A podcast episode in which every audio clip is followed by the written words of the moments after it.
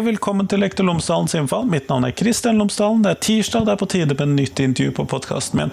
Denne uken så snakker jeg med Julie Ødegård Borge fra Raftostiftelsen, og vi snakker rett og slett om skolevalg. Vi snakker om demokratiet, vi snakker om hva det vil gjøre med 16-åringene om de får smaken på det å stemme. Vi snakker om hvilken funksjon skolevalgene har, og hvordan dette fungerer ute i skolen. Og det syns jeg passer veldig godt nå, en måned før valget. Nesten i hvert fall en måned. Det er litt under en måned. 28 dager eller der omkring.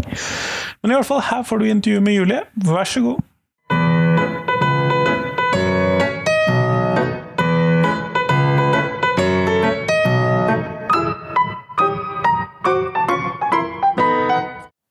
Julie Ane Ødegård Borge, tusen takk for at du har tatt tid til meg i dag. Tusen takk for at jeg får lov til å prate med deg i dag.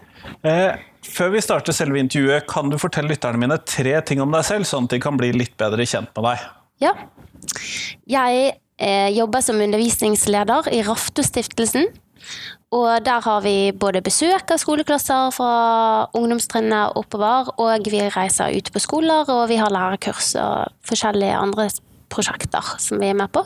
Jeg er med på bl.a. Dembra osv., som mm. tidligere har vært en del med på podkasten. Nettopp. Fra Dembra-konferansen, annet. Mm. Ja.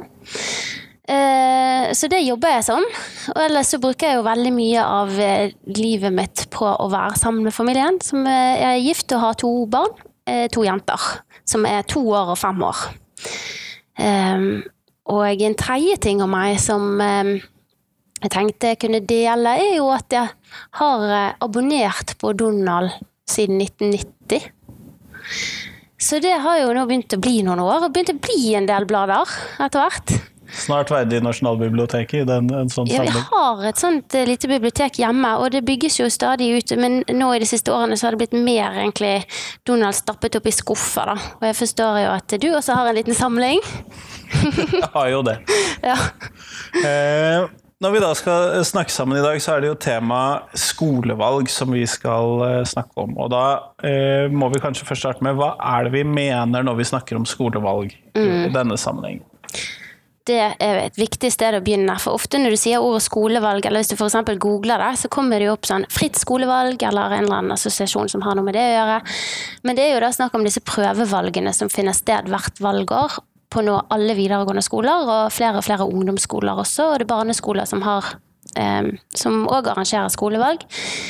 Eh, og så har jeg da i løpet av disse årene som jeg har jobbet med prosjektet, jobbet fram egentlig en definisjon. Eh, fordi det er jo ikke bare det der at man skal gå og avlegge en stemme på et, politisk parti, men det er også de aktivitetene som finner sted i forkant. Og som regel så dreier det seg om en skoledebatt der partipolitikere, ungdomspartipolitikere, kommer på skolen. Uh, og gjerne sitter i en aula eller en gymsal på en scene og debatterer ulike aktuelle tema. Så det er skoledebatten. Og så har det òg de siste årene i økende grad vært uh, arrangert valgtorg, der elevene på skolen kan møte uh, partirepresentanter. Og det kan jo òg gjerne være elever som går på samme skole som de kjenner fra før. Og diskutere saker med de. Eh, og så er det da selve stemmegivningen. Så et skolevalg eh, kan egentlig defineres med alle disse tre trekkene. Når vi snakker om et skolevalg. Ja, Sånn at vi har da selve den grunnenheten, som er da kanskje stemmegivningen. Mm. Og så i litt varierende grad hva man bygger på den. Mm. Er det sånn jeg skal forstå det? Ja, og det, som, eh, og det, og det vil jo handle om sånn, ressurser til skolen og, eh, og politiske partier sine muligheter til å reise rundt. Men det er også et spørsmål om, om hva som, hvilke rammer på en måte som er rundt skolevalget. For det er jo sterke politiske føringer på at skolevalg skal arrangeres. Og Norsk samfunnsvitenskapelig datatjeneste har hatt ansvar for å administrere disse skolevalgene siden 1989. Uh, og det vil jo da si å samle inn data og statistikk på sånt, hvilke, hvor mange, hvor mange uh, uh, Altså oppslutning om de enkelte partiene, og hvor mange elever som har stemt òg eh, arrangert en skolevalgundersøkelse, som da er spørreskjema som administreres i klasserommene, så skal da de enkelte skolene rapportere inn resultatene. Så det har jo kanskje du òg vært med på at eh, ja, å ha. Det har jeg. Ja. Og det er òg en del av skolevalget, men, men det, er, det er frivillig eh, for skolen å være med på. Sånn at der er det, der er det variasjoner som det, om skolen er med på skolevalgundersøkelsen eller ikke. Ja. Sånn at disse skolevalgene er eh, hva skal vi kalle det, relativt seriøse greier, da, med andre ord. Med tanke på det at det administreres av NSD. Ja, det er jo absolutt, eh, absolutt eh, seriøse greier i den forstand at eh, her har vi muligheten til å se på aggregert nivå hva som er trender som ungdommer mener i forhold til deres politiske preferanser. Altså hva de gir et uttrykk for, for eh, hva ungdommen ville stemt på. Og det gjør jo også at det blir veldig seriøst, for å bruke det ordet. fordi mange politikere særlig da, venter jo i spenning på å se resultatene etter skolevalgene. Eh, For hva er det egentlig de unge har stemt? Det kan være en pekepinn på hva, hvordan det ordinære valget vil gå. For det som er i Norge, at disse skolevalgene de arrangeres en uke cirka før det ordinære valget, hvert valgår. Tidligere så har vi sett at det har gått litt eh, mer eh, mot rødt og blått enn en, enn, eh, det, det gjør nå. Altså det var eh, Man kunne si at eh, ungdommene stemte litt mer eh, eh, ekstremt enn, de, enn Litt resten mer av ut mer utenfor fløypartiene enn eh, Ja, mens nå i de siste valgårene så har også vi sett en blokktendens der. Eh, blant ungdomsoppslutning. Og det gjør jo at politikerne i enda større grad kan si å, for nå må vi se på hva skolevalgresultatet er for noe, for det, da kan vi liksom, kan gi oss en boost i det videre arbeidet, eller pek, gi en pekepinn på hvordan, hvordan det kommer til å gå. Eller en litt deprimerende sånn Oi, søren. Ja, sant? Her har ungdommene forstått noe, kanskje, eller hva. Eh, men eh, de eh, Og ikke minst media, da, jo, har jo også vært veldig interessert. Du så for eksempel forrige Skal vi se, nå er vi i 2019 2017 stortingsvalget, så var det sak, den ene saken etter den andre i media om at ungdom og elever hadde oppslutning om demokratiet som aldri før. Fordi det var så mange som stemte ved skolevalget. Men så har jo jeg prøvd å grave litt i hva er dette skolevalget for noe. da? Hvilken rolle spiller skolevalgene i å motivere unge til å delta i valg? Og jeg har, har prøvd å, å gjennom feltarbeid og, og liksom få tak på hva det er for demokratilæring som foregår gjennom skolevalgene. Um, så ehm, da er, har jeg jo noen funn som kan belyse annet dette, da. Ja. skal, ja. Fordi at eh, Jeg vil jo umiddelbart tenke at eh, jeg ikke vet om deltakelse i skolevalget er ensbetydende med at de støtter opp om demokratiet. Ja, og det er jo eh, Når jeg begynte dette arbeidet, så tenkte jeg at jeg skulle bruke data fra skolevalgundersøkelsen til å se på hvilken effekt skolevalget hadde. Så jeg tenkte jeg kunne, kunne bruke de, de svarene som elevene hadde gitt på spørreskjemaene, til å si noe om For der spør du om alt mulig om politiske holdninger, og sant, hva de har stemt på, eh, hva de organisasjoner de er medlem av, hvilken utdannings eh, bakgrunn eh, foreldre har. Og så er det veldig omfattende spørreskjema. Eh, og da tenkte jeg at her kunne man da bruke det til å se, se på deres intensjon om å stemme eh, ved videre valg. Eller om de faktisk hadde stemt. Begynte jo såpass ambisiøst, da. Ja, ja. Men så fant jeg ut at jeg må jo ut i felten for å få svar på problemstillingene mine. Jeg er nødt til å finne ut hva, hvordan organiseres disse skolevalgene. Så jeg var eh, på så mange skoler som jeg klarte. eh, Fordi at mye av dette arrangeres jo på de samme dagene. ja, sånt er jo litt komplisert å rekke over mange av de. Mm, det er debatt som? Og det problemet har jo politikerne òg, som skal reise rundt. og Det er derfor de kanskje må spre seg litt rundt, eller noen av de mindre partiene ikke har så mange de kan sende. Sant? Um, og da uh, Og av at jeg da fant ut at jeg måtte gjøre feltarbeid, så fikk jeg se òg hvordan selve skole, skolevalget ble arrangert. Og et av hovedfunnene er at når eh, er at, eh, at skolevalget i aller høyeste grad formidler en, en, norm da, om at det å stemme det er noe som er forventet av deg som en, en medborger. Borgerplikten osv.? Ja, og borgerplikten. Spørsmålet er jo dette, om dette skal nyanseres ytterligere. da, at en plikt er jo, kan jo være en slags eh, eh, en, eh, kognitiv bevissthet om at hvis jeg gjør min plikt, så får jeg rettighetene tilbake.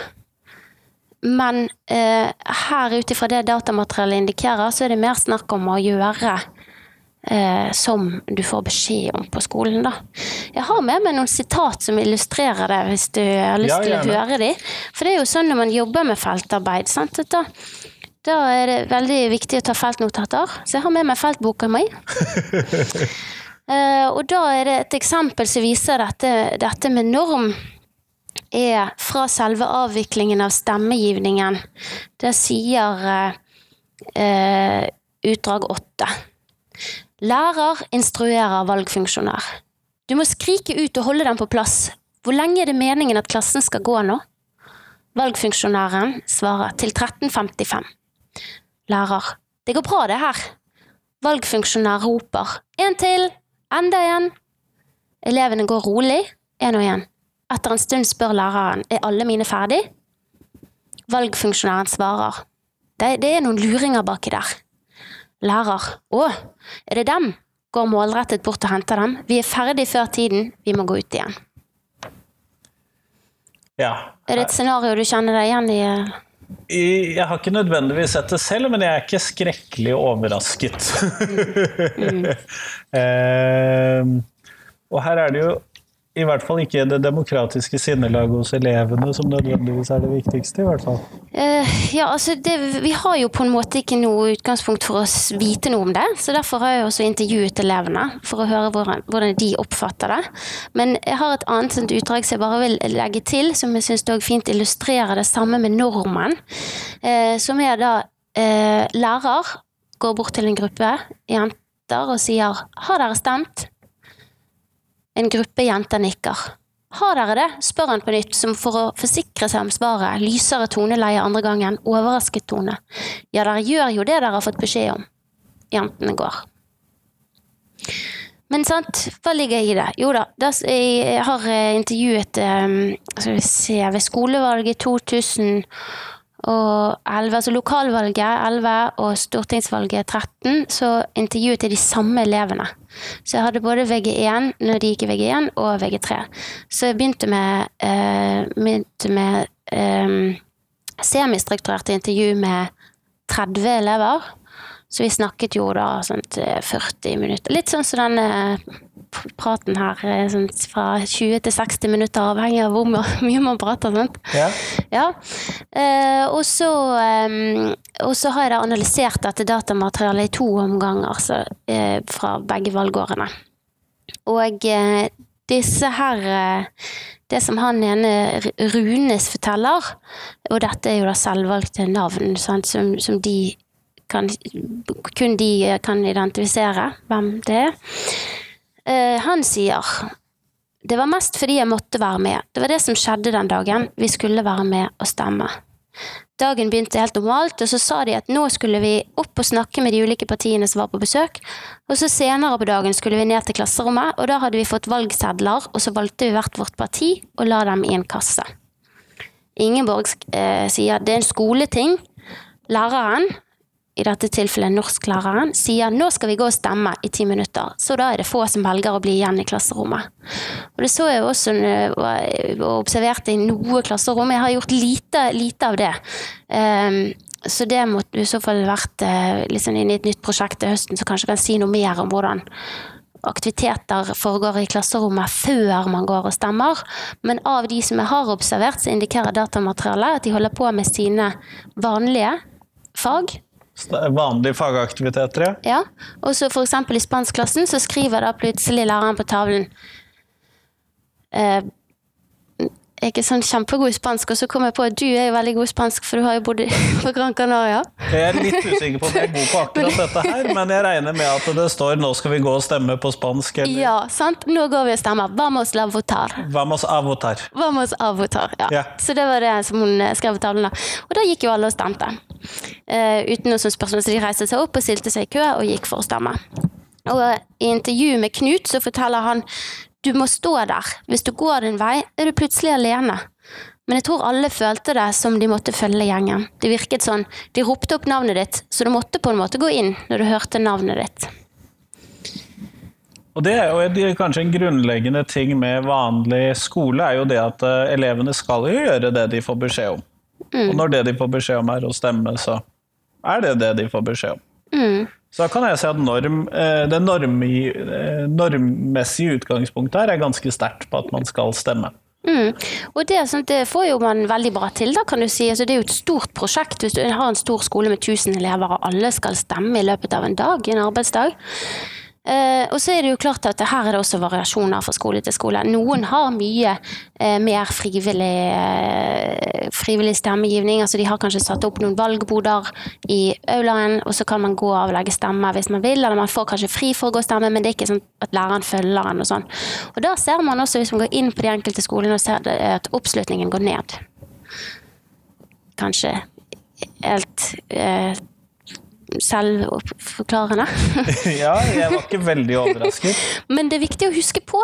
Fordi at når man da sier i media, eller politikere sier ja, det er jo her en kjempeoppslutning sant, om skolevalget sitt elever som virkelig De klapper kanskje seg selv litt ekstra på skulderen. nå. Ja, sant, dette har vi fått til. Og da er jo spørsmålet hva er det vi vil få til med skolevalget? Så derfor har jeg brukt da teorier om motivasjon for politisk deltakelse, for å se på hvilken rolle skolevalgene spiller i å motivere unge for da politisk deltakelse. Ehm, og eh, det var også interessant å se at det der hvis vi bryter opp skolevalget, sånn som eh, i starten her, at vi snakket om de, den tredelingen, så ser vi at, eh, at dette med deltakelse i skolevalget har en sterk og signifikant positiv effekt hvert eneste valgår på om elevene har tenkt å delta ved ordinære valg. Sånn at jo, jo mer de er med på skolevalgene, jo større sjanse er det for at de skal stemme. Roughly kan du si det. Så, det, har, det har en positiv signifikant effekt. Og så kan jeg jo da bruke disse intervjuene og dette datamaterialet fra felten på, feltet på, på å belyse kanskje nettopp hvorfor du får den veldig sterke normen. Men dette sier jo også bare noe om intensjonen. Så da er vi nødt til å vite hvordan, om det faktisk har en påvirkning, en effekt på deres eh, deltakelse. Og da må man eh, ha spørsmål som stiller om de har deltatt i valg, og så må man ha spørreskjemaet administrerte klasserommene etter det ordinære valget også, og da selvfølgelig til den Det er jo bare en tredjedel av, eh, av eh, den gruppen som har stemmerett. Med unntak av de prosjektene med stemmerett for 16-åringer, da. Ja. Men i hvert fall, altså, da så vi jo det, at, at uh, deltakelse i, i, i stemmegivningen i skolevalget hadde en effekt, mens deltakelse på skoledebatten hadde det ikke. Og da kunne jeg gå tilbake i felten og se på skoledebatten 2013. For det som um, når, man jobb, når man jobber med disse temaene, så er det jo alltid sånn, I samfunnsvitenskapelige fag så er det jo alltid midt i samfunnet. ja. Så i 2011, eh, når jeg skulle ut og gjøre feltarbeid i skolene, så eh, ble ting ganske eh, endret etter eh, 22. juli 2011 og Utøya. Eh, hvor eh, det førte bl.a. til at skoledebattene ble avlyst. Eh, av respekt for de som hadde mistet sine kjære og, i eh, 22. juli på Utøya. Så eh, da, eh, da var det flere skoler som valgte å holde valgtorg i stedet. Som da var den arenaen hvor man kan møte. Som liksom, du kan se for deg liksom som står på Torgallmenningen. ja. Litt mer personlig og litt mer sånn nært og med et spørsmål med fra de som kommer. Ja, sant. Eh, og eh, så da når skoledebattene kom tilbake igjen i 2013, så kunne jeg intervjue da de elevene som samme elevene, som det var blitt to år eldre, og spørre de om eh, eh, de kunne beskrive hva de hadde vært med på, hvilken rolle sånn, dette spilte. Og da gikk jeg over fra det semistrukturerte intervjuet som jeg hadde hatt i starten med 16-åringene, til å være mer sånn som de kaller for ordinary language interviewing. At jeg sier eksempel eh, hva tenker du på når du hører ordet politikk? Sant? Er politikken bra ting, en dårlig ting? Og så skal de gjennom samtalen kunne, kunne eh, gå til eh, tydeligere kunne gjøre rede for hva de faktisk mener, da. Ja. ja med en sånn slags kontrollfunksjon også i det, for det, vi, ja, det er de som styrer samtalen. Og så går vi tilbake til det ved behov. Men eh, da snakket vi om, om eh, Prøvde å få tak i hva som kan forklare da, denne manglende effekten av deltakelse på skoledebatten.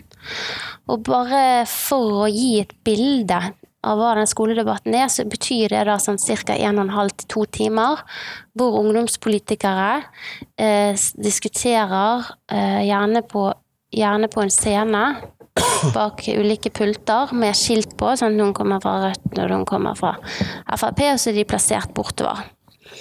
Og for lærerne så er jo dette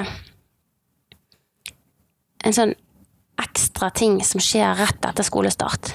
Så han eh, Jeg har ikke intervjuet lærere her, men gjennom disse observasjonene så jeg jo, snakket jeg jo selvfølgelig også med lærere når jeg var ute i felten. Han sa sånn ja, nei, så sto han og rev seg i håret. Vi får håpe at ikke altså Hvis Rødt kommer nå, så vet jeg ikke hva jeg skal gjøre. Og da tenkte jo ikke han på de på måte, politiske eh, utfordringene kunne være ved å slippe til politiske partier fra alle ulike sider på samme scene. Nei, det var mer at han hadde ikke plass på scenen. For han hadde linet opp alle pultene bortover, hadde bare plass til, til et gitt antall parti. Så hvis det plutselig kom en som ikke han visste om eller hadde meldt seg på, så fikk de, fikk de logistikkproblemer. Ja. ja. Et hardt liv. Det er et hardt liv. Altså, en lærer er jo en tryllekunstner og multikunstner i det hele tatt. Vi liker å tenke det. ja, vi liker å tenke det. Men hvordan var det elevene så på disse debattene når de da ble presentert i? Ja, da um, uh, fortalte Ada. Jeg har et sitat fra Ada her òg. Eh, de i debatten var liksom mot hverandre. Hele tiden var det som en duell. De prøvde å si negative ting om hverandre. I politikken syntes jeg de skulle være profesjonelle og holde seg til sakene. Og i debatten følte jeg det var mer personer enn politikk. Sånn, her blir det mye mer sirkus da, enn det blir politikk? Ja, bruk, de, ingen av de som bruker ordet sirkus. Men det har jo vært beskrevet i media som sirkus, og det har jo vært mye negativt fokus på hvordan man eh, sånn, På humorbruken og drittslenging og sånt eh, er det noen overskrifter på i avisene. Men eh, det som er litt interessant med det som Ada sier her, er jo at nettopp for henne så, og de andre som er analyserte i datamaterialet, er at da kommer det frem at det er viktig i forhold til om de klarer å identifisere seg da, med politikerne i debatten. Så det eh, som kommer frem da, at de mener at de eh, de er ikke som seg selv, altså fordi de er eldre enn sånn som de ser på seg selv. Og det er jo kanskje også litt rart, fordi at på mange måter så, jeg, så er jo det sånn at det er ungdoms politikere som kommer. Og jeg vet jo at i samtale med noen av ungdomspartiene, så, så anstrenger de seg for å på en måte prøve å finne så unge som mulig, eller passende ja, som mulig? Noe som passende som mulig, som kanskje har gått på samme skolen, eller sånn. Uh, men uh, nå har ikke jeg, har ikke jeg uh, intervju med Eh, eller har ikke jobbet med hvordan politiske partiene har sendt sine til, eh, til disse debattene. Men elevene oppfatter de som litt eldre? Ja, og det, de oppfatter de som eldre. Og de snakker om andre saker enn det som de er interessert i. Og de bruker et annet språk enn det som de eh, selv har.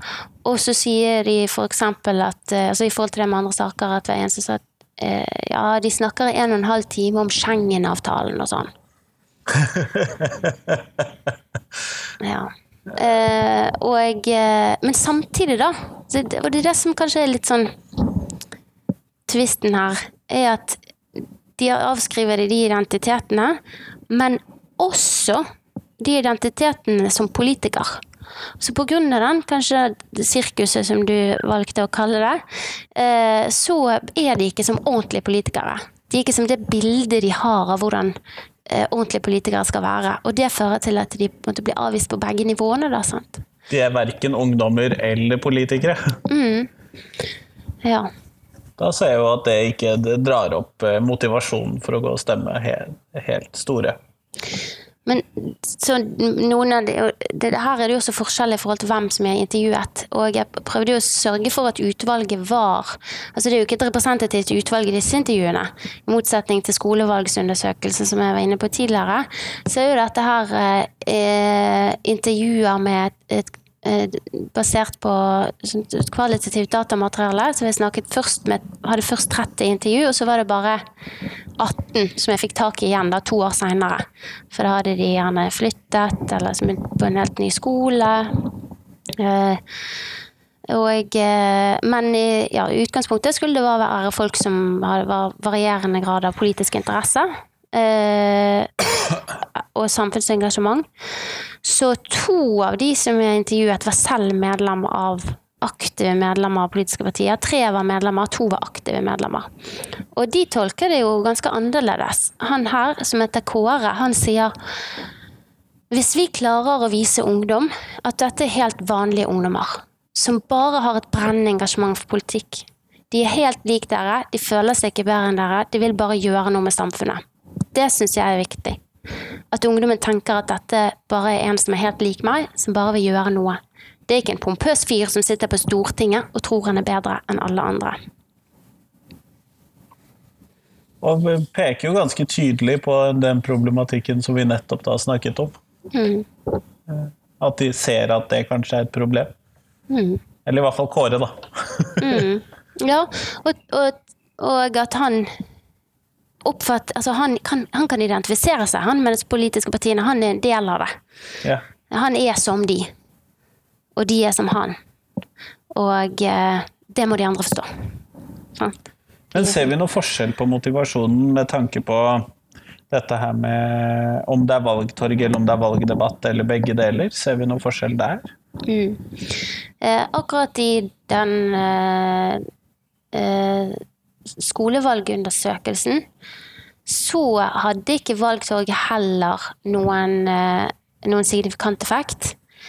Um, men der tror jeg vi skal se litt nærmere på kanskje hva det er som kan eh, ligge bak det. Fordi eh, i intervjuene så kommer det fram helt klart at de opplevde at jeg kommuniserte mye bedre med dem. For da kunne de selv stille spørsmål på hva de var opptatt av. Og så var det jo nettopp det med at de elevene de var, eller de partirepresentantene var gjerne òg elever fra den samme skolen. Det var noen de kjente. Så, så de på en måte De, de sa de, de hadde den eh, identifiseringen med at de var som de, men, men de var jo òg selvfølgelig mye mer interessert i politikk enn de, da. Sant? Så de var jo, ja. Men det jeg òg observerte underveis, var jo en slags utvikling hos de som var på valgtorget, eh, som sto på standsene. De begynte litt nølende og kanskje på en måte prøvde sånn Ja, hva er du opptatt av? Og sånt for, med elevene. Så etter de hadde gjort det på noen skoler, så var det liksom rett på. Er du lei av å vente på bussen? Er du lei av å sitte på det busstoppet der, så kommer aldri bussen? Da, sant? Da må du komme her. de, de, de måtte bli litt varme i trøya først. Ja, sant. Finne litt ut hva er det som engasjerer. Hva er det som engasjerer? Og det er jo noe som f- føyer seg inn i Eller er relevant i denne sammenhengen her. Det er jo generelt det politiske forståelse blant unge. Og, og det er interessant at eh, mange studier peker på det samme, at når du spør ungdommer om politikk, så er de jo ikke eh, Svarer de at de ikke er interessert i politikk. Men sånn som i noen av disse intervjuene også, så har jo de da jobbet aktivt for f.eks. å få en buss til Bønes i rushtiden når de skal hjem fra skolen.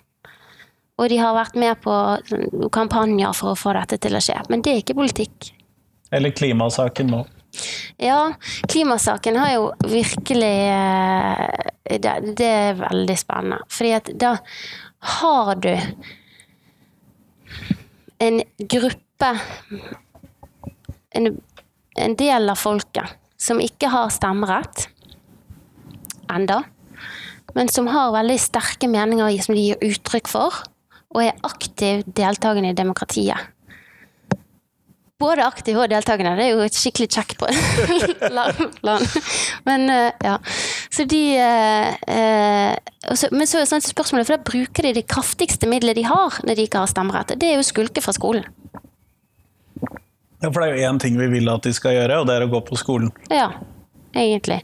Og så, da, og det som da er interessant, er jo hvordan noen av, i skolevesenet møter dette her. For det, det blir sagt at her skal du føre fravær, men i samtale med ulike lærere rundt omkring, så har jeg òg forstått at det er litt varierende praksis.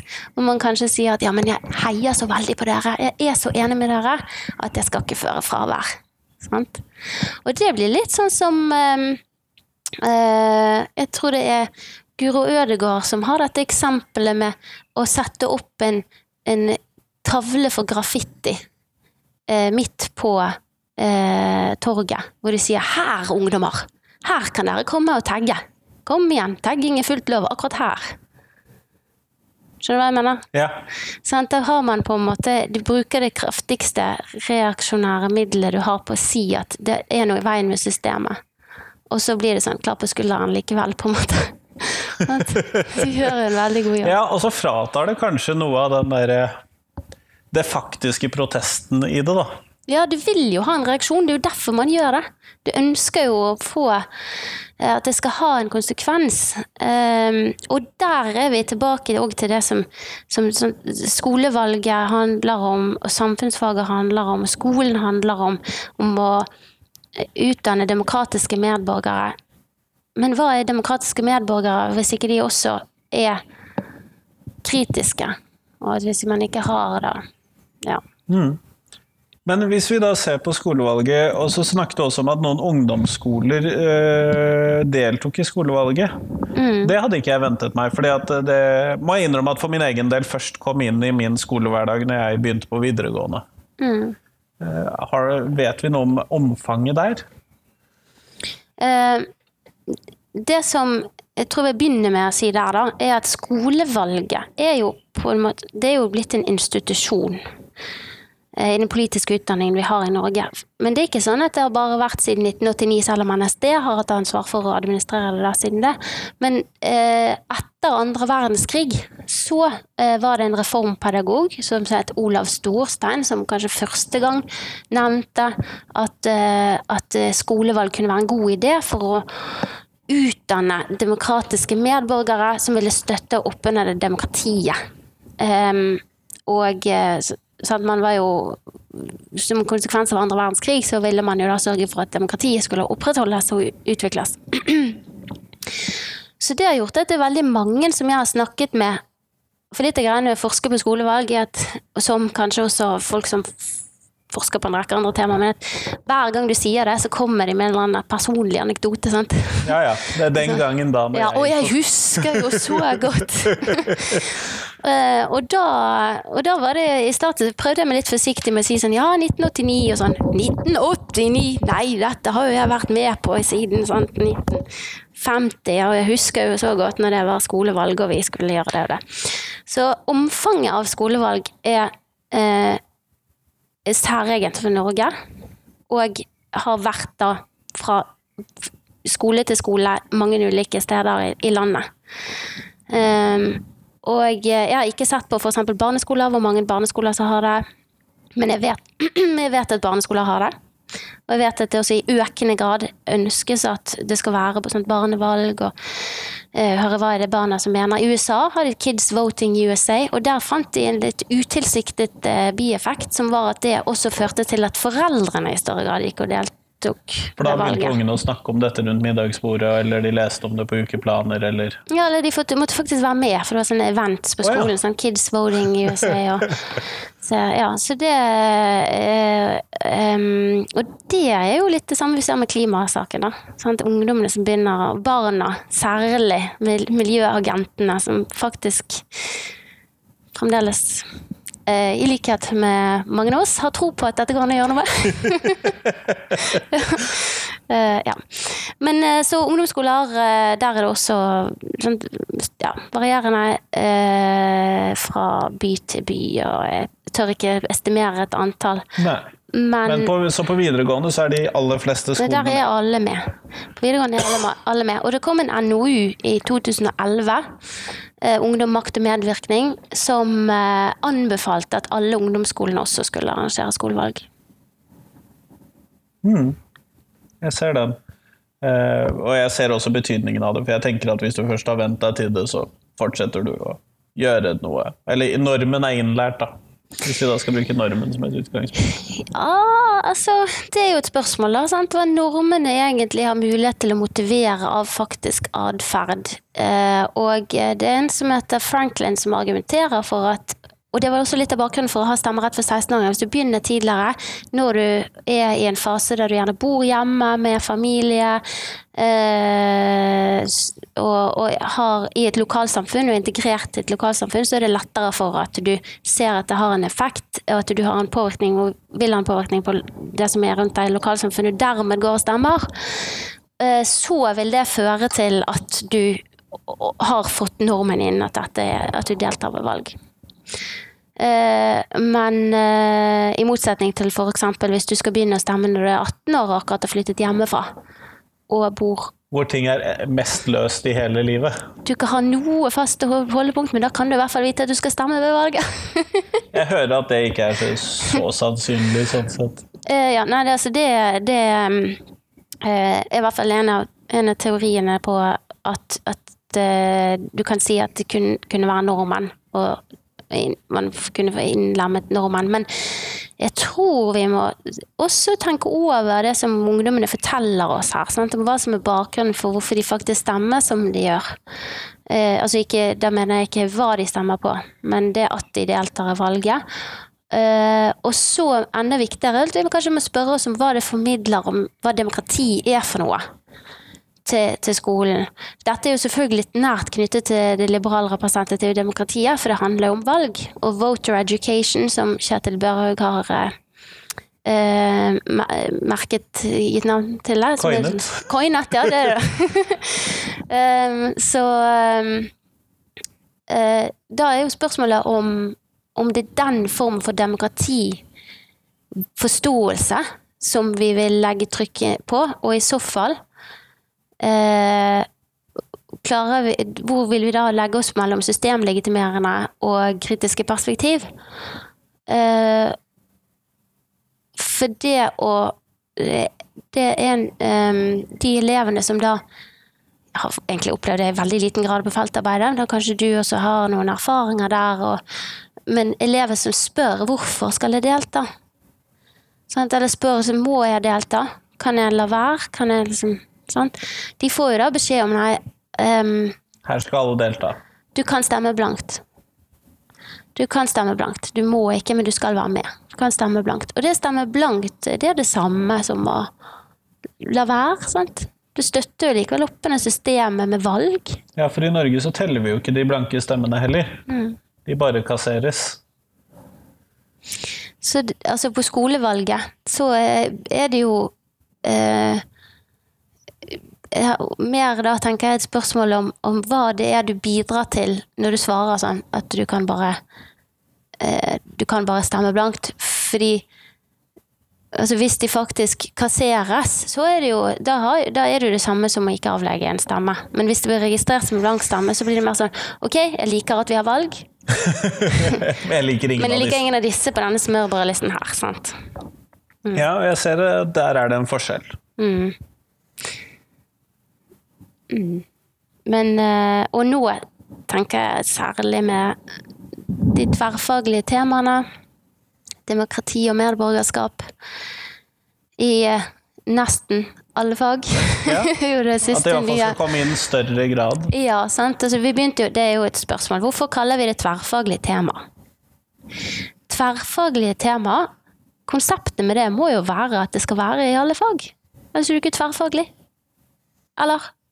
Nei, Er jeg jeg er jo enig med deg der. Ja.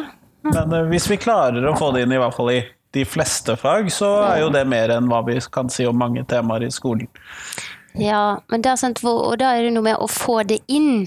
Og da er det stofftrengsel og alt dette her, sant. Men eh, skolevalget foregår jo allerede. Og man bruker masse tid på det og ressurser på det. Én til to dager hvert valgår. Eh, så eh, eh, det er jo interessant å se nærmere på hvorvidt det blir brukt som en anledning også for å jobbe med demokrati og medborgerskap i klasserommet. Eh, som tema, ja. Som, ja, sant? Når, de nye tverrfaglige temaene kommer inn. Eh, men, eh, men, det er også en god anledning til å spørre oss hva er det egentlig vi mener når vi snakker om demokrati i skolen. Sant?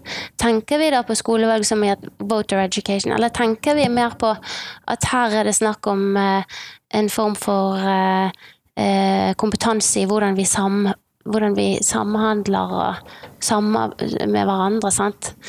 Um, eller snakker vi om demokratiforståelse som er mer sånn deltakerdemokratisk, hvor det er kanskje klimastreiken som i aller høyeste grad kan være et eksempel på det. Ville det kunne puttes inn under tverrfaglige tema medborgerskap? Ja? Uh. ja, ja. Og så er jo bærekraftig utvikling den andre, da, så det er jo veldig lett Klima bør være lettere enn andre ting. Ja. ja. Eh, men i stad snakket du om dette her med politikerne som var opptatt av resultatene til, i skolevalget. Uh, og du har også snakket om dette her med i hvilken grad går de og stemmer videre i de ordentlige valgene.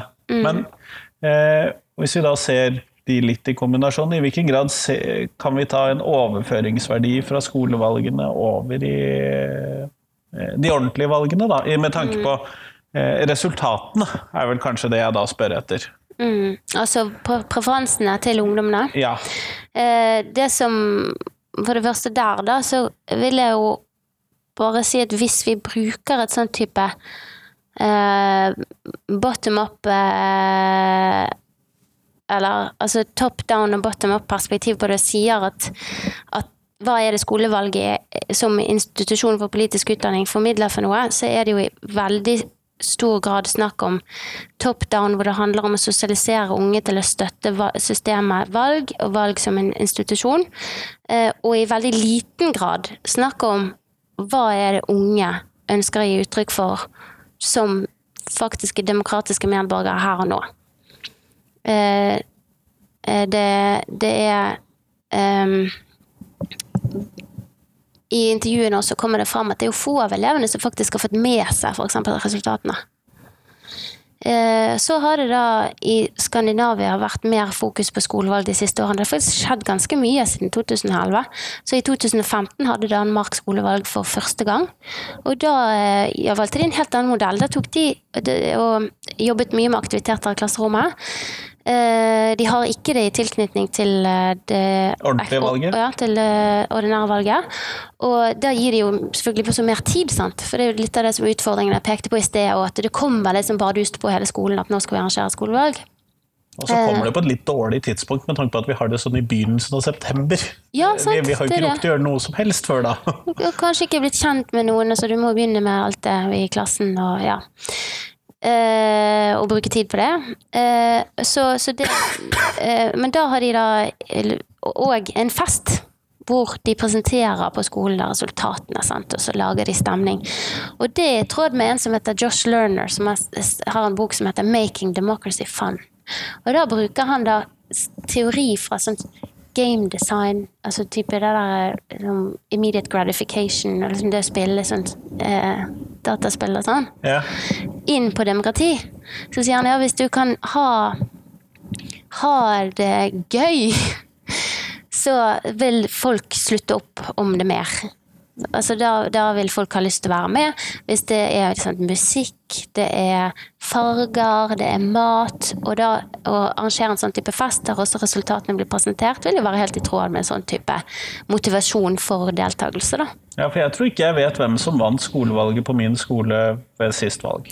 Og der, Det var bra du sa noe, for jeg har lyst til å nevne at det er kanskje mange som sier sånn ja, gjerne med anekdotene. Sant? Ja, jeg husker jo da det og det partiet fikk alle stemmene fordi at den og den var så karismatisk. Sant? Og alle det, alle jentene syntes han var så kjekk altså, i det hele tatt. Og det får du jo. Du får sånne, ut, uh, sånne effekter på, på Eh, enkeltskoler. Men det, er jo, det jeg snakker om her, er jo det på aggregert nivå. hvor du ja, ser det nasjonale nivået, ja. ja. At de er sammenlignbare. Men du kan ikke ta resultatene fra de enkelte skolene og si at eh, ja.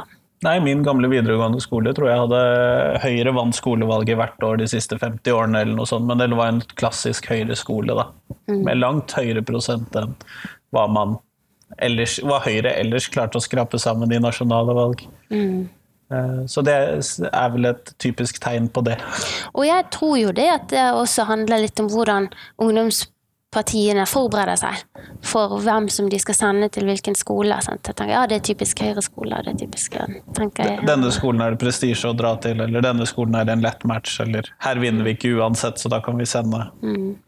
Så det vil jo absolutt være spennende å følge opp eh, med en eh, ny studie da, om hvordan eh, partiene forbereder seg og tenker om sin egen eh, rolle i, i forhold til eh, eh, å utdanne demokratiske medborgere. Vi er jo, det er jo en arena hvor det faktisk slipper til. Og det er jo et spørsmål skal skolen slippe til politiske partier på denne måten. Er det det vi altså, I forhold til hvilket demokratisk perspektiv ja, er det uproblematisk, eller det er vel kanskje heller sånn at folk er overrasket over at man lar politiske partier slippe til. Eh, men så er det jo som eh, denne Beutelsbach-konsensusen, som er kontroversielle temaer. Hvis det kontroversielle det som er kontroversielt i samfunnet, som det er en gjeng med didaktikere på 78, i 78 som fant ut at hva skal være viktig for samfunnsfaget, så ble de da enige om at det som er viktig, at det kontroversielle i samfunnet, det må også være kontroversielt på skolen. Ja, At man tok opp de temaene og, som noe kontroversielt, og ikke som noe uproblematisk. Mm, nettopp. Og da vil jo det være med å bidra i forhold til den eh, litt vanskelige eh, balansen mellom skal, hvor mye du skal vektlegge systemlegitimerende for, øh, undervisning, da, og utdanning, og hvor mye du skal faktisk ha rom for. Og hva skal du ha rom for å kritisere? Sant? Vi går mot slutten av podkasten nå, Ja. og da har jeg et spørsmål som jeg stiller til alle som, jeg, som er med på podkasten. Og det er hvis noe skal ut av skolen. Hvis du skal ta noe ut, hva skal det være? Hvis noe skal ut Ja, hva skal vi fjerne? Mm. Skolevalget, Nei, det var bare tull. Det var bare tull. Ehm, det Jeg tror jo, i likhet med veldig mange andre, så tror jeg det er mye lettere å finne ting som skal inn. Ja, det har vi sjelden et problem med. Ja, det har vi sjelden noe med. Og sånn, Putt det inn i skolen. Men, eh, men jeg har allikevel lyst til å si at jeg har veldig stor tro på hvis vi kunne kombinert noe sånn samfunnsfag med musikk. For det finnes et barne-TV-program som heter Sangfoni, og det ser jeg på ganske ofte. Jeg ser mye på barne-TV hjemme. Og da, eh, hvis vi hadde laget et, et fag da, som het for eksempel eh, Samfoni så kunne man i, det, det finnes ikke noe mer inkluderende språk enn musikk. Alle finner noe de kan kjenne seg igjen i. Alle finner noe de eh, kan Så det, det er inkluderende for store og små. Sant? Og så er det jo en fin måte å lære å leve sammen på. Learning to live together i musikken. Så det, det Men da må jo noe ut. Og kanskje karakterene kan komme ut. Jeg tror ikke du er alene om det på denne podkasten, i hvert fall. Nei. Men Kjempeflott. Tusen takk for at du tok deg tid til meg i dag. Jo, tusen takk for at vi pratet med deg. Veldig kjekt.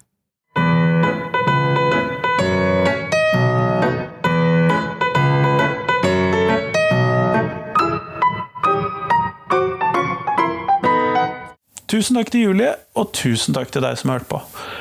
Nå er det ikke så mange dagene til neste podkastintervju. Det kommer eh, Livepodkasten min blir spilt inn i ettermiddag. Og den sendes eh, her på podkasten på fredag som kommer. Så på fredag kommer det altså et nytt intervju. Det vil si intervju intervju, det kommer en debatt på podkasten. Men på tirsdag igjen så er vi tilbake med et nytt podkastintervju av den vanlige sorten, da med Ole Jakob Madsen, som er psykolog ved Universitetet i Oslo. Men fram til da så håper jeg at du kan sende meg noen tips om hvem du har lyst til å høre på podkasten. Nå har jeg en del ideer fram til og med desember, men jeg blir veldig glad for å få noen flere innspill. Men frem til vel, fredag, så får du ha en god uke. Hei, hei!